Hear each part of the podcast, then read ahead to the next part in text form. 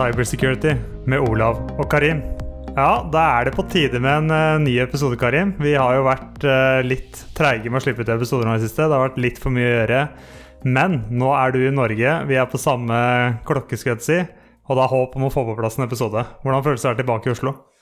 Helt nydelig. Nå er det jo sånn at jeg ikke har et studio, så jeg sitter jo på gjesterommet ditt og har studio akkurat nå. Så det er litt, litt morsomt, men uh, dette blir veldig bra. Og veldig rart å spille inn uh, i samme tidssone.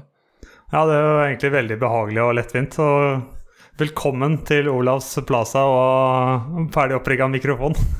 jo, takk. Hvis, hvis, noen lurer, så kan jeg bare med en gang bekrefte at Olav har størst grill. Det er, uh, det er ingen tvil.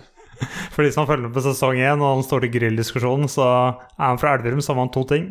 Stor garasje og stor grill. Jeg har nå i hvert fall stor grill. Så det, det er check. Men det vi skal snakke om i dag, er jo Threat Intelligence, og vi har en veldig spennende gjest. Men først så har noen av lytterne sagt at de vil gjerne høre litt med hva vi gjør, hva vi jobber med, hva som skjer om dagen med disse live-oppdateringene. Så jeg jobber jo med en stor prestudie hos en eh, kunde på Identity X Management, så vi går inn og ser hvilke behov de har, hvor de er, hvor de skal eh. Og, så og så har vi en, flere workshops, og til slutt så lager vi en rapport da, som vi leverer til kunden, som de kan bruke til strategiske beslutninger i sin vei videre innenfor identitet og tilgangsstyring. Da.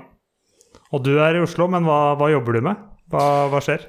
Ja, så vi har jo et stort uh, cybersecurity-prosjekt i MBM som uh, jeg jobber ganske aktivt med. Vi er ute etter å få flere folk til å hjelpe oss med dette prosjektet. Og ta en del i fremtiden av MBM uh, på cybersecurity. Og det går i full fart, så veldig kult. Men uh, også veldig hektisk til tider. Uh, veldig rart å være i Oslo igjen også, ikke minst. Bare det å møte noen kollegaer igjen som man ikke har sett fysisk på over et år nå. Det er, uh, det er veldig deilig, og du får på en måte de, de samtalene du kanskje går glipp av. da, og særlig med et begrenset overlappsvindu på noen timer i, mellom New York og Oslo hver dag, så er det digg å bare ha hele dagen i samme tidsrom som disse kollegaene. Jeg forstår jeg godt. Jeg har begynt å være litt mer sosial igjen siste, og man blir jo nesten sånn Ok, hvordan er man sosial igjen? Hvordan er man med folk? Hvordan fungerer folk utenom Teams? Så det er litt sånn artig å begynne å kjenne litt på det igjen. Men nå føler jeg at vi bare må hoppe over til dagens gjest. Freddy, velkommen til Cyberscript med Olav og Karim. Jo, tusen takk, tusen takk. Takk for at dere ville ha meg. Det er jo minst like viktig. Du er hjemme igjen fra øvelse og har fått vaksine, stemmer det? Er de siste nyhetene riktige? Det er helt riktig. Jeg har vært på en ukesøvelse med HV, og der jobber jeg med etterretning eh, i HV02 i Derby, så det er innsatsstyrken. Så det gjør jeg litt sånn eh, på fritida. Så tok jeg vaksine første dose i går, så det var deilig. Nå er jeg litt sånn lam i armen, men eh, det er vel kostnaden man er villig til å betale, tenker jeg. Lam i armen, men kjeften fungerer, så blir det podkast. Ja, da sitter jeg bare helt i ro, så kan jeg prate. Det funker veldig, veldig godt. Men du, din vei inn i cybersecurity, kan ikke du fortelle litt om den? For den syns jeg er litt spennende. Den tror jeg lytterne våre også vil høre om. Ja, Den er ganske brokete. Jeg tror jeg har en sånn veldig utradisjonell vei inn i cybersecurity, for helt ærlig. Jeg vil liksom gå litt ordentlig tilbake, da, sånn 20 år tilbake. Jeg er 48 år gammel, jeg vet det ser ikke sånn ut, men det, det får vi bare tåle. Eh, da jobba jeg egentlig med salg, eh, og fikk det for meg at jeg må forstå hva kundene mine driver med, så jeg begynte på BI. Ikke hold det mot meg, men jeg skulle da bli brålyst og liksom kose meg med det. Uh, og jobba egentlig fullt og gikk på skole. Så 2011 så skjer det jo noe stygt i Oslo. Da smeller det, mm, og en eller annen idiot løper rundt med våpen, noe som jeg syns var ganske stygt. Uh, og da fikk jeg en sånn idé. Jeg ønsker å lære meg hva er det som gjør at mennesker går så langt. Uh, så da begynte jeg å lese bøker om terrorisme, om ekstremisme, og søkte på og kom inn på University of St. Andrews i Skottland. Og Der tok jeg master i kontraterror. Um, og så rett etter det så tenkte jeg ja vel, nå vet jeg hvordan uh, terrorister blir til, men hva skal jeg gjøre med det? Så da tenkte jeg ja, da tar jeg master til uh, på rappen og stikker til London og tar en master i etterretning. Uh, med fokus på cybersikkerhet. Så begge masterne mine skriver jeg egentlig om terrorister og kritisk infrastruktur og cyber og sånt, da, for jeg syns det også er spennende. Uh, og det var egentlig veien til etterretning, og har kost meg med det egentlig siden 2016. Eh, men i mellomtiden her så får jeg også da jobb i, eh, i etterretningsmiljøet i Forsvaret og jobber med det og koser meg med det og går gjennom ganske mye artige prosesser der for å komme liksom inn i systemet og bli godtatt. Um, og så flytta jeg til Oslo. Det er nå to-tre år siden. Um, og jobber da med cybersikkerhet i Nordisk Finansert, som er egentlig en non-profit-org som uh, driver med cybersikkerhet da, for finanssektoren uh, i Norden. Og vi er sektorsert uh, for finanssektoren i Norge. Og der jobber jeg da med, med trusseletterretning, og jobber med etterretning som fag. Jeg har ikke teknisk bakgrunn, men teknisk forståelse. slik at de som jobber da på hendelser hos oss, de håndterer alt det tekniske, og så tar jeg det og oversetter til hvordan skal dette på en måte bety noe da, og få verdi for eh, ledere, ledelsen og oppover i egentlig medlemmene våre. Og vi i NBIM er jo så heldige å samarbeide med dere, så det, det dere leverer er jo helt topp. Ja, eh, det må jeg selvfølgelig si meg helt enig i. Eh, og det er utrolig artig å få jobbe med dere også, for dere har en helt annen problemstilling. Men det kan vi kanskje ta en helt annen setting enn det mange andre har, da. Litt sånn artig spørsmål her, for vi har snakket sammen litt før. Og vi har jo også fått spørsmål fra unge folk som vil ut i cybersecurity, og ofte spørsmålet jeg får, er liksom Eller vi har fått, er Må alle på Gjøvik, eller må alle på NTNU, og alle må ta en master? Men du begynte å studere også et stykke senere enn rett fra Virjon, gjorde du ikke? Ja da, jeg var 36 år gammel da jeg begynte. Og det er litt spesielt å sitte på skolebenken sammen med 21-åringer og liksom ha et helt annet perspektiv på livet. da.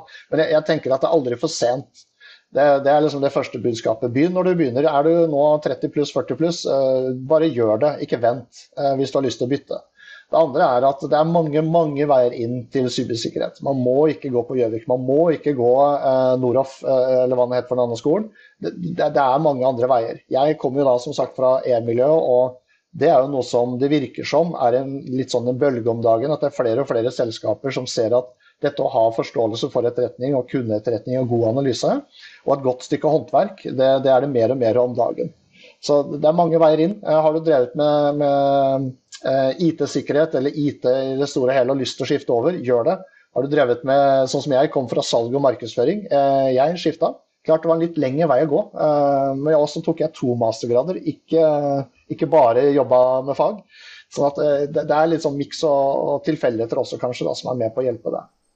Absolutt, og det tror jeg er spennende å høre for lyttere der ute, avhengig av på en måte alder, hvor gammel er utdanning. Altså, har man lyst, alle får til det man vil. Det handler bare om å finne det du har lyst til, og så blir du god på det. Så det er bare å oppfordre folk til å kjøre på. Men Karim, du har jo litt sånn helt annen retning. Kan ikke du fortelle litt om hvordan du kom inn i cybersecurity? Jo, så jeg gikk jo faktisk gjennom uh, dette med å være lærling. Så jeg kom rett fra andre videregående, hvor jeg hadde gjort IKT servicefag. Og Der uh, var jeg sånn passe skolelei og så ikke for meg å ta noen høyere utdanning, for å si det på den måten. Uh, men på bakerste radio fra klasserommet så oppdaget jeg jo et veldig spennende teknologiselskap, Intility, som på den tiden var veldig mye mindre. Og De kom jo innom forskjellige videregående skoler for å promotere bedriften, og ikke minst tiltrekke seg lærlinger. Så det var et eller annet som skjedde den dagen. Jeg bare sa til meg selv der skal jeg begynne å jobbe. Uh, det virker som et kult sted å være. Og på en måte en mulighet for å faktisk ja, hva skal man si, få det til innen bransjen uten å ha høyere utdanning. For det var det som kjennetegnet veldig mange av de som hadde kommet langt inntil det.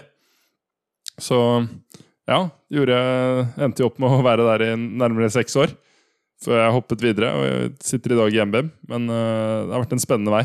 Jeg begynte jo ikke med cybersecurity. Jeg begynte jo å jobbe på helpdesk og gjorde teknologi uh, i mange år. Og så fant jeg ut at ok, eh, nå er jeg keen på å lære hvordan du virkelig beskytter den plattformen her òg.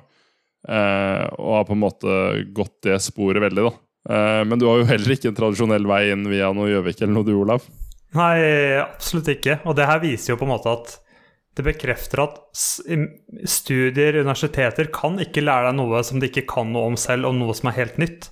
Så det man lærer på skolen, tenker jeg, det er at man lærer, at man lærer å lære. Så man må alltid lære, og så må man alltid finne noe man er interessert i, og fortsatt utvikle seg på. For min del så jobba jeg operativt i Forsvaret i fem år etter videregående, og var på videregående tror jeg så vidt kom meg gjennom. Var ikke noe motivert eller hadde altfor mye energi til å sitte og bytte på å lese opp en bok og høre på noe enveiskommunikasjon, som jeg opplevde i hvert fall. Mens Forsvaret er sånn ok, her er teorien.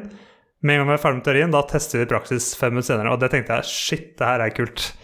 Så da tok jeg mer eh, utdanning i Forsvaret og jobba der i fem år, og syntes det var veldig gøy. Før jeg også tok en sånn Freddy-variant og stakk innom BI en tur for å bli businessman. så tok jeg en bachelor i finans der med fordypning i HR. Og så tok jeg også en mastergrad mens jeg jobba fulltid i styring og ledelse. Og da begynte alle vennene mine å tenke Olav, mastergrad ved siden av jobb, hva, hva, skjer? Men det handler om at man finner noe man liker, og da er plutselig skole veldig greit òg. Så det er aldri for seint å gå på skole, så jeg er helt enig med Freddy. Og så jeg begynne jobb i, fikk jeg jobb i Boots apotek som Head of Business IT Development, et eller annet sånt. Jeg husker ikke nøyaktig stillinga. Tok én måned, og så var jeg plutselig ansvarlig for IT-sikkerhet istedenfor, fordi jeg begynte å snakke med han eh, Bison, Business Information Security Officeren i UK, som igjen rapporterte til CISON i USA. Fordi de trengte noen til å svare på noe sikkerhetsgreier i Norge og drive det litt. Og plutselig så var jeg rekruttert til noe helt annet. Og sånn, sånn var min vei inn i det. Så jeg er jo også litt sånn som Freddy, kanskje mest teoretisk-teknisk. Jeg kan være med på ganske mange tekniske diskusjoner. Men hvis noen ber meg gjøre på tastaturet, så er det andre folk som er bedre til meg enn å gjøre det.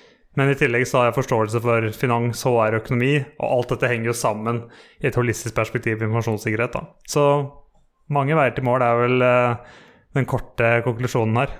Men Du har jo toucha inn på noe viktig her nå, at det er interesse og motivasjon. Og så må man være åpen for at det kommer endringer. Og, og, bare kaste seg på muligheten. Jeg gikk fra markedsføring til kontraterror til etterretning til cyber. Så det er bare, Hver gang døren åpner seg, så har jeg bare kasta meg på. Dette er kult, jeg bare, jeg bare prøver. Og så har det gått, forover, og så har det vært kjempegøy underveis. Og Det tror jeg er en sånn utrolig god leksjon å ta med seg. da. Ha det gøy på veien og ta muligheten når det dukker opp. Ja, det er noe jeg har notert meg, at de gangene folk ser litt bekymra ut i møterom fordi noen må ta noe ansvar og gjøre et eller annet, så har jeg vært litt sånn dum og rekt opp hånda og vært eh, blink, for å si det sånn. Men det har alltid kommet noe positivt ut av det, og har lært mye, selv om det er litt stressperioder. Så tør å ta det skrittet fram og, og ikke være redd for å by på deg sjøl, så, så, må du brette på armene iblant, men det går fint. Det ordner du. Men i dag skal vi jo snakke om threat intelligence, eh, Freddy. Hvorfor threat intelligence? Hvorfor, hvorfor er det noe vi trenger? Og eh, Vi kan jo kanskje ta sånn to ting her. da. Eh, mye av det vi skal snakke om nå er jo dette med etterretning. og Etterretning på norsk høres litt sånn eh, skarpt ut. Så vi kommer til å bruke både etterretning og trusseletterretning og intelligence og litt om hverandre her. da. Eh, Det er det første. Det andre er at mye av det vi snakker om kan for mange være helt nytt, og for mange andre kanskje er liksom dette er helt vanlig og kan masse om. Ingenting av det jeg skal snakke om i dag da, er uh, verken hemmelig eller ting jeg liksom har lært som er sånn superduper-hemmelig uh, fra jobben i Forsvaret. Men alt er liksom åpent. Det er liksom det første. Så vi kommer til spørsmålet hvorfor. Eh, jeg tror da at eh, etterretning som sådan er liksom et sånt tema som er et fagfelt i seg selv. Og Innenfor det fagfeltet så har vi jo trusseletterretning. og Det handler om trusselaktører, hvilke trusler er der ute. Eh, en malware er ikke en trussel, det er personen eller gruppa bak som styrer og bestemmer hva den malwaren skal gjøre, er en trussel. Og Der er det en sånn gjengs uh, misforståelse. Man tror at uh, en ransomware er en trussel. Nei, det er gruppa bak. De som har kjøpt tjenesten eller tilrettelagt for at den skal ta din, ditt firma, det er de som er trusselen. Ransomware er veien. Det er, det er verktøyet de bruker sammen med sin TTP, altså de taktikkene, teknikkene og prosedyrene de bruker. Og, og så kom vi inn på cybertrusseletterretning, altså CTI, da, Cyber Threat Intelligence. Jeg tror alt dette er viktig ene og alene fordi vi er nødt til å kunne beskytte oss. Og En måte så kan vi være reaktive. Det er å se på oi, nå har det skjedd noe hos oss, hva gjør vi nå? Eller det har skjedd noe hos naboen, hva kan vi gjøre for å beskytte oss? Det er reaktivt. Det å være proaktiv handler om å ta med alt det som noensinne har skjedd eh, hos deg eller hos andre, og bruke det til din fordel, slik at du er bedre forberedt for det som skjer i morgen. Og Da trenger man etterretning. Og Da er det egentlig beslutningsstøtte som er på en måte kjernen her. Hva, hva slags systemer trenger jeg, hva slags mennesker trenger jeg, hva slags kunnskap og kvalifikasjoner må de ha? Hvilke prosesser og prosedyrer er det vi da må sette på plass for at de menneskene kan kunne gjøre god jobb? Og hvilken te eh, teknikk og taktikk Beklager, hvilken uh, teknologi er det de da trenger for å kunne gjøre en god jobb? Og, og Der er nok eh, trusseletterretning og etterretning veldig viktig, nettopp fordi at man skal kunne ta beslutninger. og Da trenger man mennesker som forstår dette med alle de dataene vi ser. Hva betyr dette for meg, hva betyr det for oss? Hvem er det som er ute etter meg og mine verdier? Og Da er vi liksom inn på dette med risk.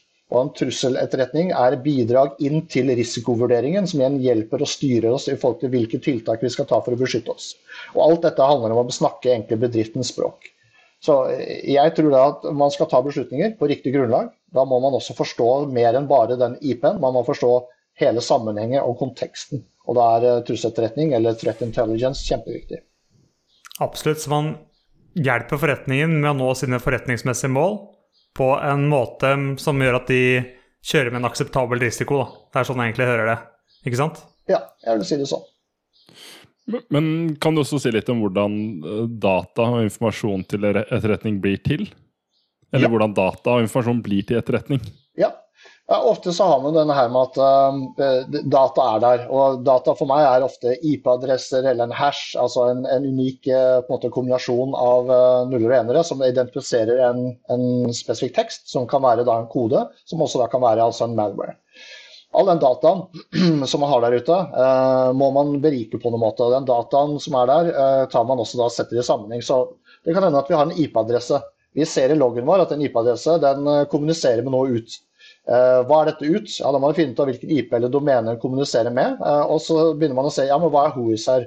Den IP-en vår interne ressurs kommuniserer med, den kan kanskje være et domene. Det domenet, oi, det finner vi ut at det er faktisk et uh, ondsinna domene sett i en kampanje rapportert av noen der ute. Da begynner vi å se på dette med informasjon. Altså Da ser vi IP-adressen den er koblet til vår interne ressurs. Eh, kommuniserer til en gitt tid, eh, gitt frekvens med en annen IP-adresse. Det er informasjonen. Og så begynner man å se dette i kontekst. altså Vår IP kommuniserer med en ondsinna IP. Den ondsinna IP-en har blitt sett i andre sammenhenger. Da er vi over til uh, det som vi ofte kaller kunnskap. Jeg skjønner, basert på mine verdier og mine systemer, at den IP-en skal ikke kommunisere med den ondsinna IP-en, eller domenet. Og den har blitt sett i andre kampanjer og blitt brukt av andre ondsinna aktører. Da skjønner jeg med, med, min kontekst og min kunnskap at dette ikke er bra. Så må jeg ta en beslutning. Og den beslutningen er på en måte skal jeg blokke denne IP-en eller denne trafikken? Skal jeg delay? altså Det er mer sånn disrupt, delay, deny, en del sånne eh, De, de syv d-ene kaller de da.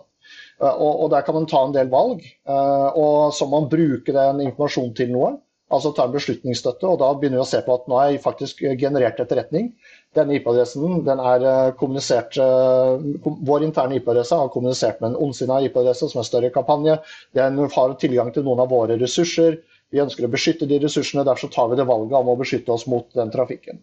Og Da kan man si at man har begynt å generere etterretning. Ofte så ser man at uh, firmaer, uh, leverandører som leverer trusseletterretning, ofte leverer trusseldata eller trusselinformasjon. Det er liksom et best, da, så er det informasjon. Det betyr at uh, ja, du har sett den IP-adressen, ja, den er ondsinna. Supert. Men du får aldri vite hvorfor den er ondsinna, når ble den sett først, når ble den sett sist. Du får aldri vite hvorfor er denne viktig for deg kontra alle andre. Hvilke verdier er de ute etter hos deg, det får du aldri vite. Og Det betyr at du egentlig sitter bare med data, med litt kontekst, altså informasjon.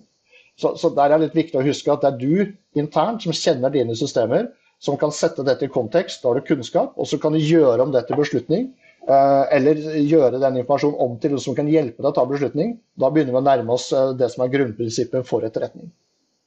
Og det, det, du på en måte oppsummerer nå, er jo veldig nyttig når man skal foreta en analyse. Men ja. hvordan vil du forberede informasjon til ulike målgrupper? Eh, F.eks. mer strategisk nivå? Ja, og, og, det er jo faktisk interessant. fordi Når vi sitter og ser på informasjon, så handler det om hvem er det som vi skal støtte. Um, og, og, du kan si Jeg er ikke like god til å støtte noen på teknisk nivå, altså noen som sitter på SOC-type jobber. da. Der, der, kan ikke jeg hjelpe til så mye. Jeg kan fortelle mye om bakgrunn og informasjon til gruppene som er bak. Men jeg kan ikke si så mye om den IP-en. Det, det, gjør de tekniske gutta hos oss. De som sitter på instrument response og støtter på en måte medlemmene. Så de støtter veldig godt på teknisk nivå. Altså denne IP-en er uh, ondsinna, og dette er hvorfor, og dette er det det betyr for deg. Fordi vi kjenner det på en måte banken og dens interne systemer. Så kan vi gå på neste nivå. Det er jo da taktisk. Eh, taktisk handler mye om hva er TTP-ene? Hva er altså da de taktikkene og teknikkene og prosedyrene som vanligvis ses i denne sammenhengen med denne IP-en eller med denne type kommunikasjon? Og Da begynner man å se på litt større bilde. Da kan man si at man kan bytte IP-er så mye man vil, men den måten å jobbe på, altså de taktikkene og teknikkene man gjør, eh, setter dette sammen på, altså prosedyrene, det er ganske unikt. Og Da kan man begynne å sette en mer sånn cluster, altså man kobler forskjellige hendelser sammen fordi de har likhetstrekk i måten man opererer på. Og Da kan man også begynne å generere eh, måte, regler og ting som gjør at dette kan stoppes. Enten automatisk eller i hvert fall få et syn på av sokken som får en varsel. Så kan ta en vurdering og sende det til instrument response-miljøet internt, og som da begynner å jobbe med det og faktisk tar en beslutning. Og Så kan man se på neste steg der igjen. Da er det mer på uh, det operasjonelle. Uh, ikke operative, for det er taktisk-teknisk. Det operasjonelle er mer på bedriftsspråk. Da ser man på hva er da modus operandi, altså hvordan har noen brukt taktikker og teknikker over tid?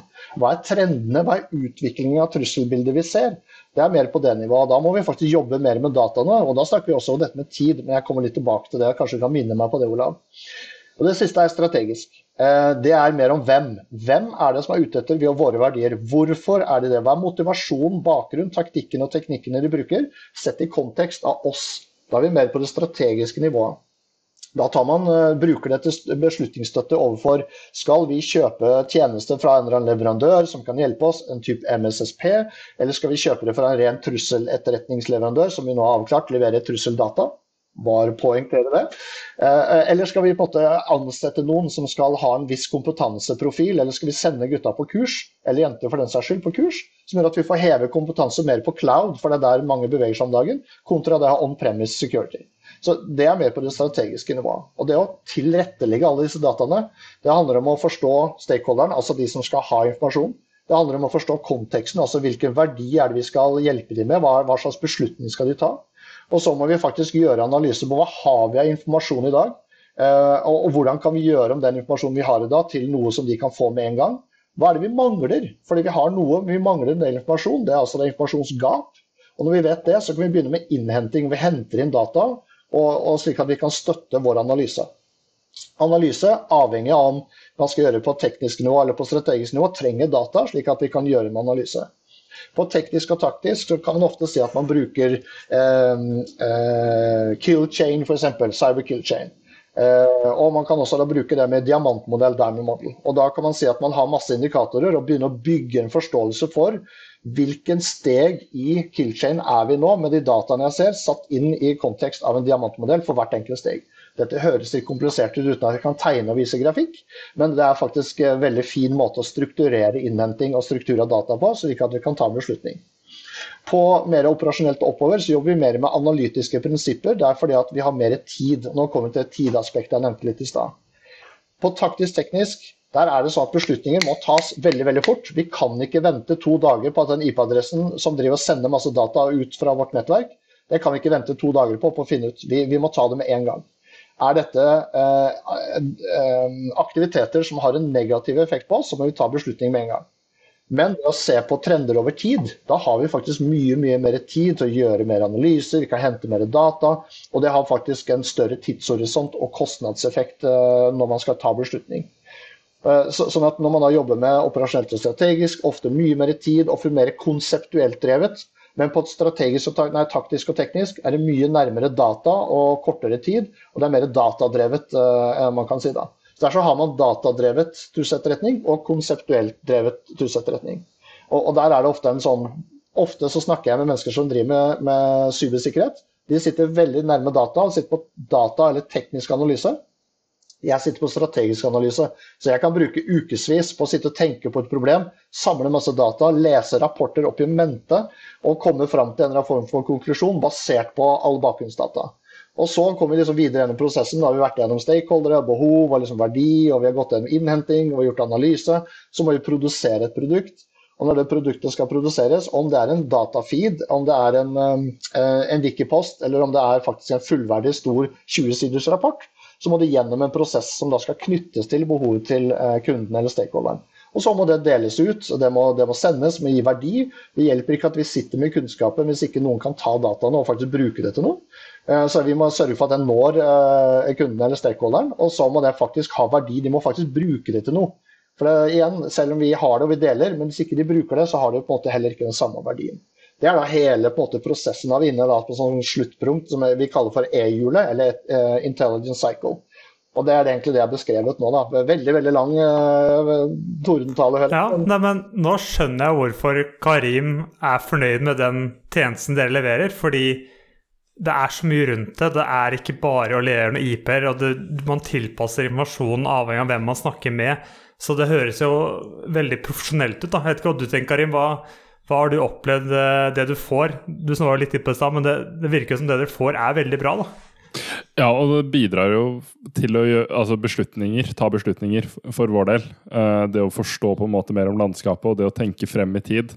Altså, Hvis du skal lage en cybersecurity-strategi for de neste to årene, så, så, er du nødt til å tenke fremover. Og da er du også nødt til å vite hva kan du forvente i fremtiden.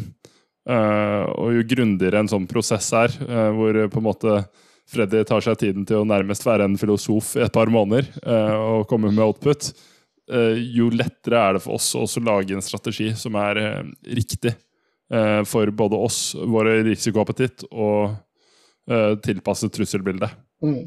Absolutt. Også sånn jeg hører det, Freddy, så er jo threat intelligence er jo like mye en prosess som et produkt. For prosessen her er jo kanskje det viktigste, ikke sant? Jeg, jeg har en sånn mantra. Da. Det for meg er vel egentlig først er at etterretning i hovedsak er beslutningsstøtte. og For at vi skal nå til beslutningsstøtte, så er vi nødt til å ha en prosess på plass. Uh, og Det handler om at vi skal være etterrettelige. og Det er en del av grunnprinsippene i etterretning. Vi skal være etterrettelige. Med andre ord, vi skal, dersom vi sier noe eller mener noe, så skal det baseres på fakta eller på uh, data. Og Når vi har fått alle disse dataene inn, så, så ønsker vi egentlig å se på selve prosessen og den jeg beskrev litt i stad. Når den prosessen er på plass, så må det være menneskene som kan det. Og, det er jo sånne som meg, eh, som, som, kan faget og, vet hvordan dette skal gjøres. Når det gjelder produkt, så er jo det sluttproduktet det vi leverer. Og, og, mange eh, klarer kanskje ikke alltid å skille mellom de to.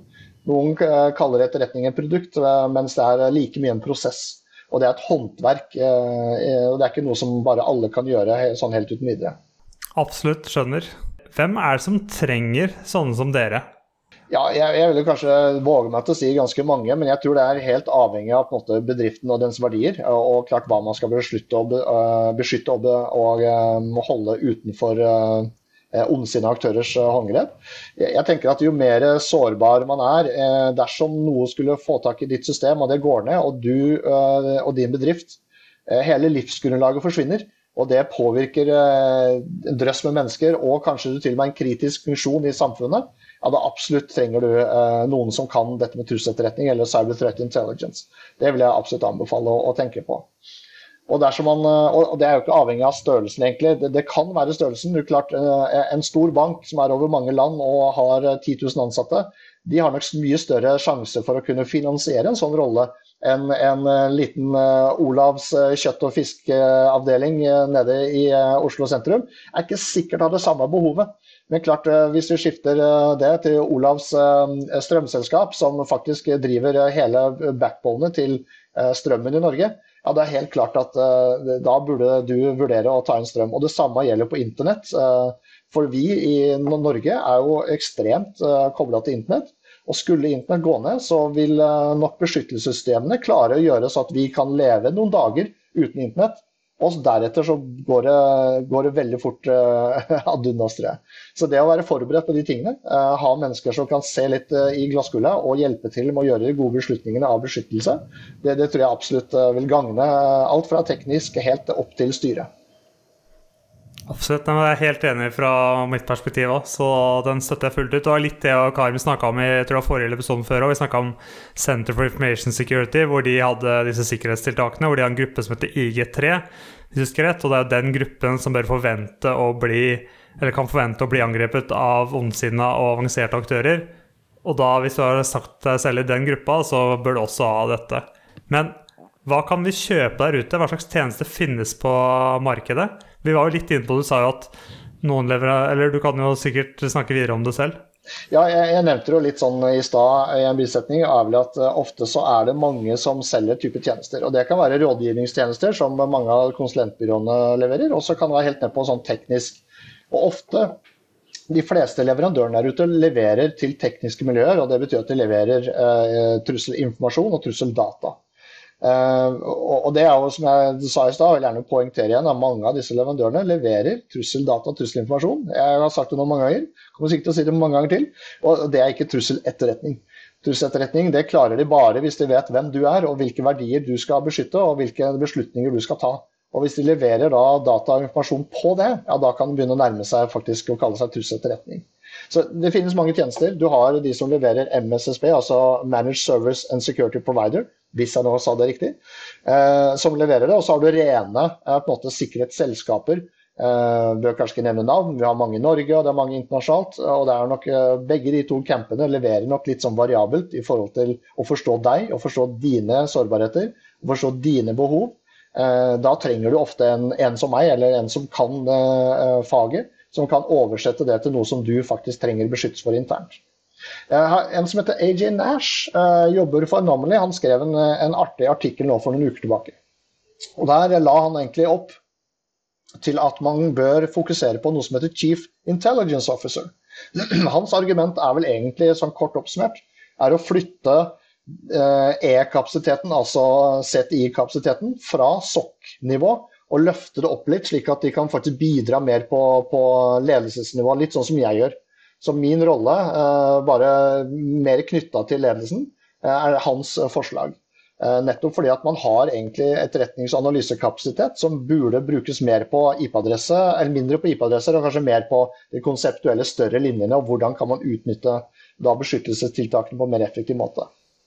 Så egentlig løfte det høyere opp da, i selskapsorganisasjonen enn å holde det nede på veldig operativt nivå, hvis jeg henger med. Ja, ikke sant. Og da er vi inne på dette her med hva er det som faktisk gir verdi, da. Det å monitorere og trekke en IP-adresse, altså en indikator, IP-adresse, domene, herser og sånne lignende, det gir verdi, klart. Eh, og det å, å kunne ta det tidlig og stoppe det, det, det gir absolutt verdi. Microsoft gjorde en spennende analyse for noen år tilbake, eh, hvor de egentlig kjøpte alt de klarte av feeds der ute for å finne ut av er det overlapp mellom alle disse feedene. Er det da sånn at hvis du kjøper noe fra én leverandør, så får du den samme data fra en annen leverandør. Det Microsoft eh, egentlig konkluderte med, at det var ca. 11% overlapp av alt de klarte å få tak i. Så Det betyr da at det er noe som heter uh, collection bias. Leverandøren du bruker er kjempegod basert på de dataene de har. En annen leverandør har et helt annet datasett og sitter ikke på samme kildegrunnlag eller innhentingsgrunnlag som, eh, som uh, leverandør A. Og Det er det som er litt viktig å huske. Du må faktisk kjøpe tjenester fra en leverandør som kan gi deg støtte på det du trenger. Slik at uh, Vi har f.eks. valgt en leverandør som leverer tjenester og kunnskap om et visst sett med trusselaktører. For vi har brukt litt tid på å identifisere hvem er det som er truende hvilke grupper og hvilke TTP-er har de, og hvor, eh, hvordan jobber de? Og hvilke leverandører klarer da å levere på det. Og Det er det vi har valgt uh, våre leverandører på. Og, det, det, gir oss da maksverdi for pengene vi må betale. Og, jeg tror da, Det er liksom viktig å huske. fordi det med indikatorer det skiftes 200 ganger i døgnet på en spesiell kampanje. Det betyr at du er alltid på etterskudd, eller du må alltid lete etter nye indikatorene. Mens hvis du fokuserer på måten du jobber på, metoder, altså TTP-ene, så har du større sjanse for å ta um, merkelige bevegelser på nett, merkelige bevegelser på, endepunktet. Det vil gi mye mye mer verdi og er vanskeligere for uh, trusselaktørene å endre på. Som andre ord, man skal ikke bare kjøpe indikatorer fra den mest pushy selgeren og tenke at uh, du har alt du trenger. Det er nok en veldig, veldig veldig god konklusjon, Karim.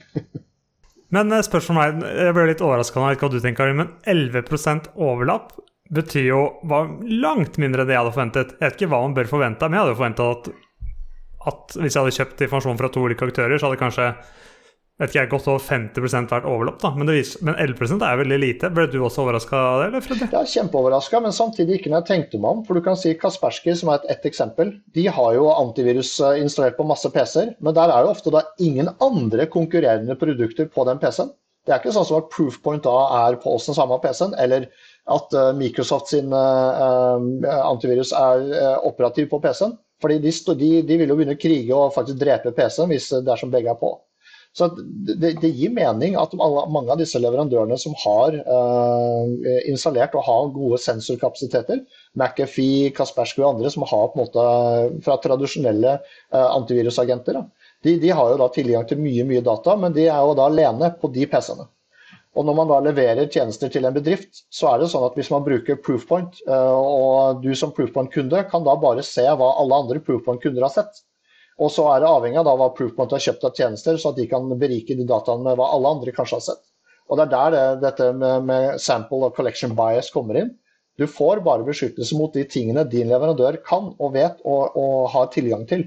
Alt andre vet de jo ikke, og derfor må det kjøpes av flere.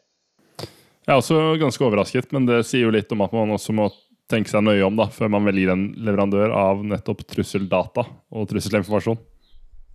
Ja, så forklarer det kanskje for meg hvorfor det er viktig å ha forskjellige serter. Sånn som finanssert er Det er en grunn til at dere er finanssert og ikke helsesert. ikke sant? Fordi helsesert har andre behov og andre kapabiliteter og andre eh, kanskje aktører etter seg. ikke sant? Ja.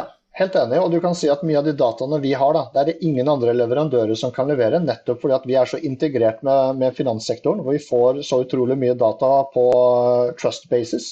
Eh, og får tilgang til utrolig mye bakgrunnsdata som gjør at vi kan være med på å forstå trusselbildet. Og jeg vet hva eh, en av de største bankene i Norden trenger av oss. Og Da, da tilpasser vi dataene og, og, sørger for at eh, mest mulig verdi skal oppnås hos de. Og så neste bank, en, kanskje nesten like stor, eh, skal ha litt annen fokus, for de er ikke like spredt om i Europa som, eh, som den første. Og Da må vi også tilpasse dataene. At, og den, Det er nok uovertruffent da, for hva andre leverandører eventuelt kunne ha levert.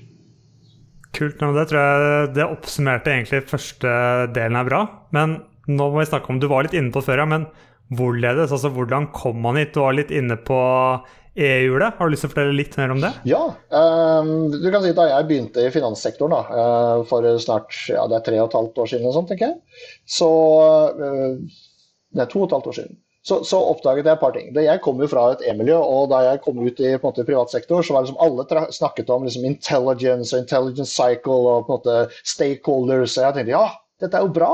Dette er It's my people. Liksom, de, de, snakker samme språk, vi, vi, forstår etterretningsprinsipper og prosesser. Da kan jeg på en måte ha kjempegode diskusjoner med både leverandører og uh, våre måte, medlemmer i, uh, i uh, NFCERT. Men det som det kanskje viste seg mer, var at da jeg begynte å snakke med dem, så, så, oppdaget jeg at her er det mye markedsføring-jippo.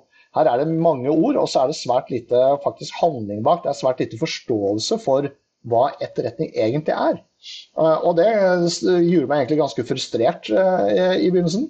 Slik at jeg egentlig begynte å snakke litt med forskjellige leverandører, og jeg begynte å ringe mennesker som har vært på um, Sans og presentert, og andre mennesker som er liksom litt sånn utadgående. da Eh, og deler mye kunnskap. Så jeg liksom bare plukka opp uh, telefonen, jeg er ikke lenger, men i hvert fall koble sånn at vi kunne ha en Teams-samtale eller Zoom-samtale.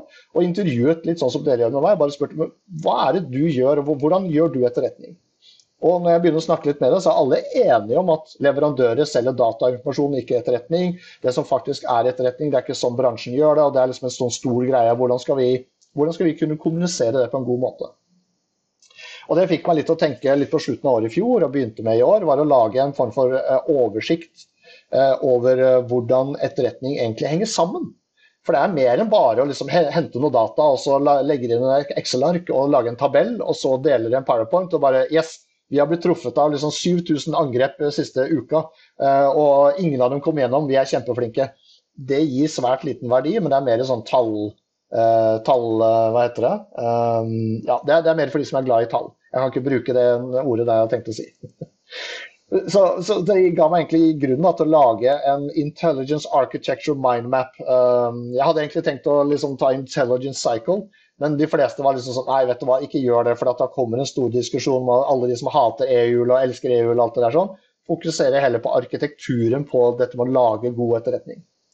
Så, så, det laget jeg egentlig, og begynte med å intervjue flere mennesker. og Det starta i januar, slutten av januar i år, og nå fire-fem måneder senere så har det vokst til en sånn gedigen gedigent mindmap.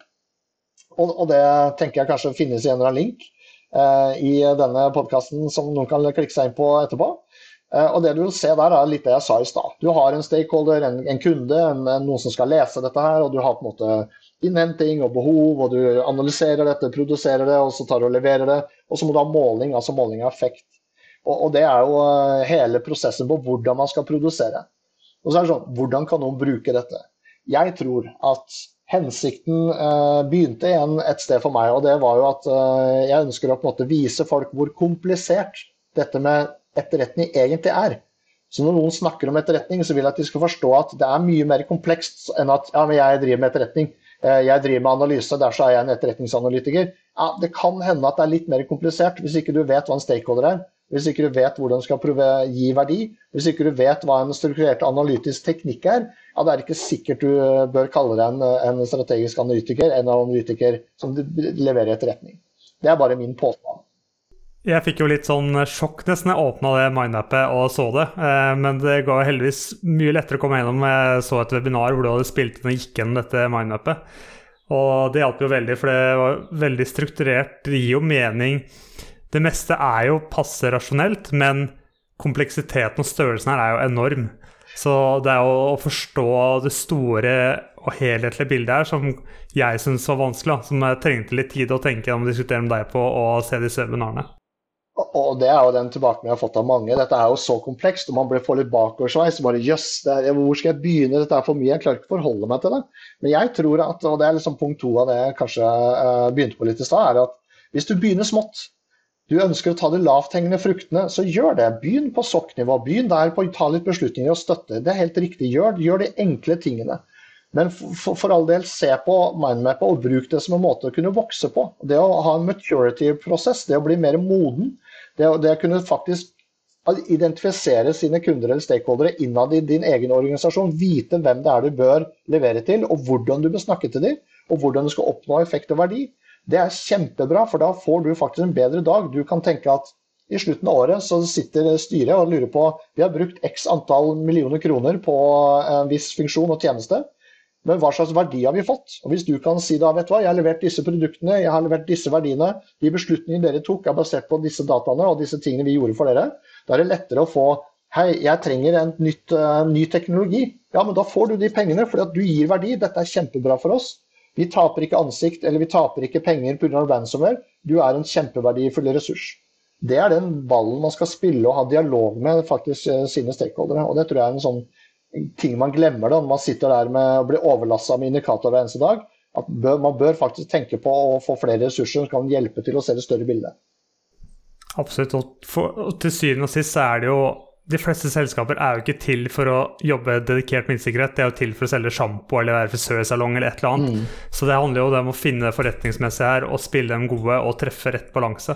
Og det høres ut som dere absolutt gjør og har skjønt. Mens ofte har jeg opplevd at mange IT-sikkerhetsfolk glemmer at selskapet de jobber for, selger sjampo, eller at det er det de lever av. Så det blir veldig mye firewall, IP, porter, scanning. Det blir veldig teknisk, men man glemmer å løfte blikket. Ok, men hvor skal selskapet? Hva gjør selskapet? Ja, og, så er det litt sånn at det er mange trusselaktører der ute som er ute etter å finne de store selskapene som omsetter for uh, hundrevis av millioner. Og Hvis du er uh, den enkle lille kjøpmannen på hjørnet, så er det ikke sikkert at trusselaktørene er ute etter deg. Men det er kjipt hvis de uh, ved en opportunistisk uh, mulighet kommer inn da, fordi du ikke har gjort de grunnleggende tingene. Og Der er jo NSMs grunnleggende IT-sikkerhet ut, utrolig viktig å ha, ha liksom, uh, i lommeboka. og Bare dra opp og bare OK, disse er de tingene jeg i hvert fall bør gjøre. Ja, absolutt. Og det er jo også det vi dekka i vår sesong igjen, med et gratis arbeidsutprogram hvor du kan velge selv ok, hvilke episoder vil du ha med inn, og hvilke vil du ikke ha. Så det er Vi skal i hvert fall legge ut link i episodebeskrivelsen. så de av dere som nå vil se dette vakre mindappet, er det jo bare å klikke seg inn og ta en titt. Jeg lurer på, Nærmer vi oss en oppsummering nå, eller er det, hva, hva savner vi her, Freddy? Jeg, jeg, tror kanskje en sånn siste ting jeg har lyst til å bare trekke ut, er at uh, når man jobber, når en som meg da, jobber med etterretning, så er det noe som heter forventningsavklaring. og Det er en del av dette med å ha en dialog med en stakeholder. Og den forventningsavklaringen, Der ligger det en sånn viktig ting. Det er eh, kvalitet, det er tid, og det er penger. Og ofte, da, og det blir litt sånn flåsete å si, men ofte så kan jeg si det at jeg kan gi deg god kvalitet, og det skal ta kort tid, men det koster masse penger. Så du, Det vil alltid være to stykker som utnytter fullt ut, og du får aldri en tredje. En, jeg bare påpeker, Det er litt flåsete og enkelt å si, men, men, ofte så er det mye sannhet i det. at Ofte så møter man en kunde som gjerne vil ha en, en fullverdig 100-siders rapport til fredag. Uh, og Det har du to dager på, og det er ikke mulig. Men det å ta den forventningsavklaringen og si at vet du hva, jeg kan klare å gi deg en one-pager på fredag som tar veldig oversiktlig, enkelt, eh, databasert eh, etterretning. Eh, om to uker så kan jeg gi deg en 20-sider som forklarer dypere hva som har skjedd. Men om, eh, på slutten av kvartalet om to og en halv måned da kan jeg gi deg en fullverdig 100-sider som forklarer nøyaktig hva som har skjedd, hvordan, hvilke sårbarheter som er utnyttet, hvordan de beveget seg gjennom, hva vi feila på, hva vi skal lære, og hvilke tiltak vi har gjort. Den rapporten kan jeg gi deg om to og en halv måned. Og Det er da dette med forventningsstyring. Å si at vet du hva, jeg klarer ikke på den tiden du nå vil at jeg skal gjøre det på, med den kvaliteten du ønsker, med de ressursene jeg har tilgjengelig. Gi meg flere ressurser, så skal jeg kanskje klare det. Men det krever også da en litt lavere forventning i forhold til kvalitet. Så ha den dialogen. Det er utrolig viktig når man skal jobbe med, med etterretning. Og det gjelder så mye annet i cybersecurity også. Ja, og det der er jo perfekt inn på vår oppsummering av episoden, hvor vi har en veldig fin setning, syns jeg. Kanskje du har lyst til å ta den, Freddy, og den fortjener du? Å ja. Eh, nei, det er jo egentlig det at eh, etterretning er egentlig med på det å predikere fremtiden, og det vil kreve tid. Eh, fordi at det beskrive hva som har skjedd allerede, det, det reaktive, det går egentlig veldig fort. Da kan du få den one-pager, men hvis du vil ha noe hjelp til å predikere fremtid, ja, da må du faktisk forvente at det tar litt tid. Absolutt. Karim, har du noen siste spørsmål til Freddy? Nei, jeg, jeg, tenker med det så kan vi takke for oss. Dette har vært uh, en ganske interessant episode å forberede. Vi har jo prøvd å sette oss litt inn i det, vi òg. Så jeg tenker den her kan bli krevende for enkelte lyttere å få med seg. Samtidig så tror jeg på en måte det gjør hele fagfeltet mer forståelig og rydder opp litt i usikkerhet rundt det. Ja, så handler det om å gå gjennom flere ganger. For jeg merker at vi hadde først én samtale, og vi snakket litt om det. Og så planla vi litt, og så har vi tatt noe nytt nå. Og nå begynner jeg først å liksom få alt til å henge sammen og ting i mening. Så det er lov å høre på episoden, google litt, lese opp litt, spørre litt. Og så høre på episoden en gang til, og så plukker du opp bare flere og flere prosent. Og klart, Har du masse spørsmål, så er det jo bare å reach out, eh, på en måte ta kontakt eh, via dere. Så skal eh, jeg også gjerne besvare spørsmål hvis det er noen som har flere spørsmål der ute. Tusen hjertelig takk, Freddy. Det var ekstremt nyttig. Og takk for at du delte kunnskapen med alle som lytter på. Tusen takk for at jeg fikk lov til å komme. Det her var kjempegøy. Kom kommer gjerne tilbake. Yes, på gjensyn. Ha det godt. Ha en fin dag.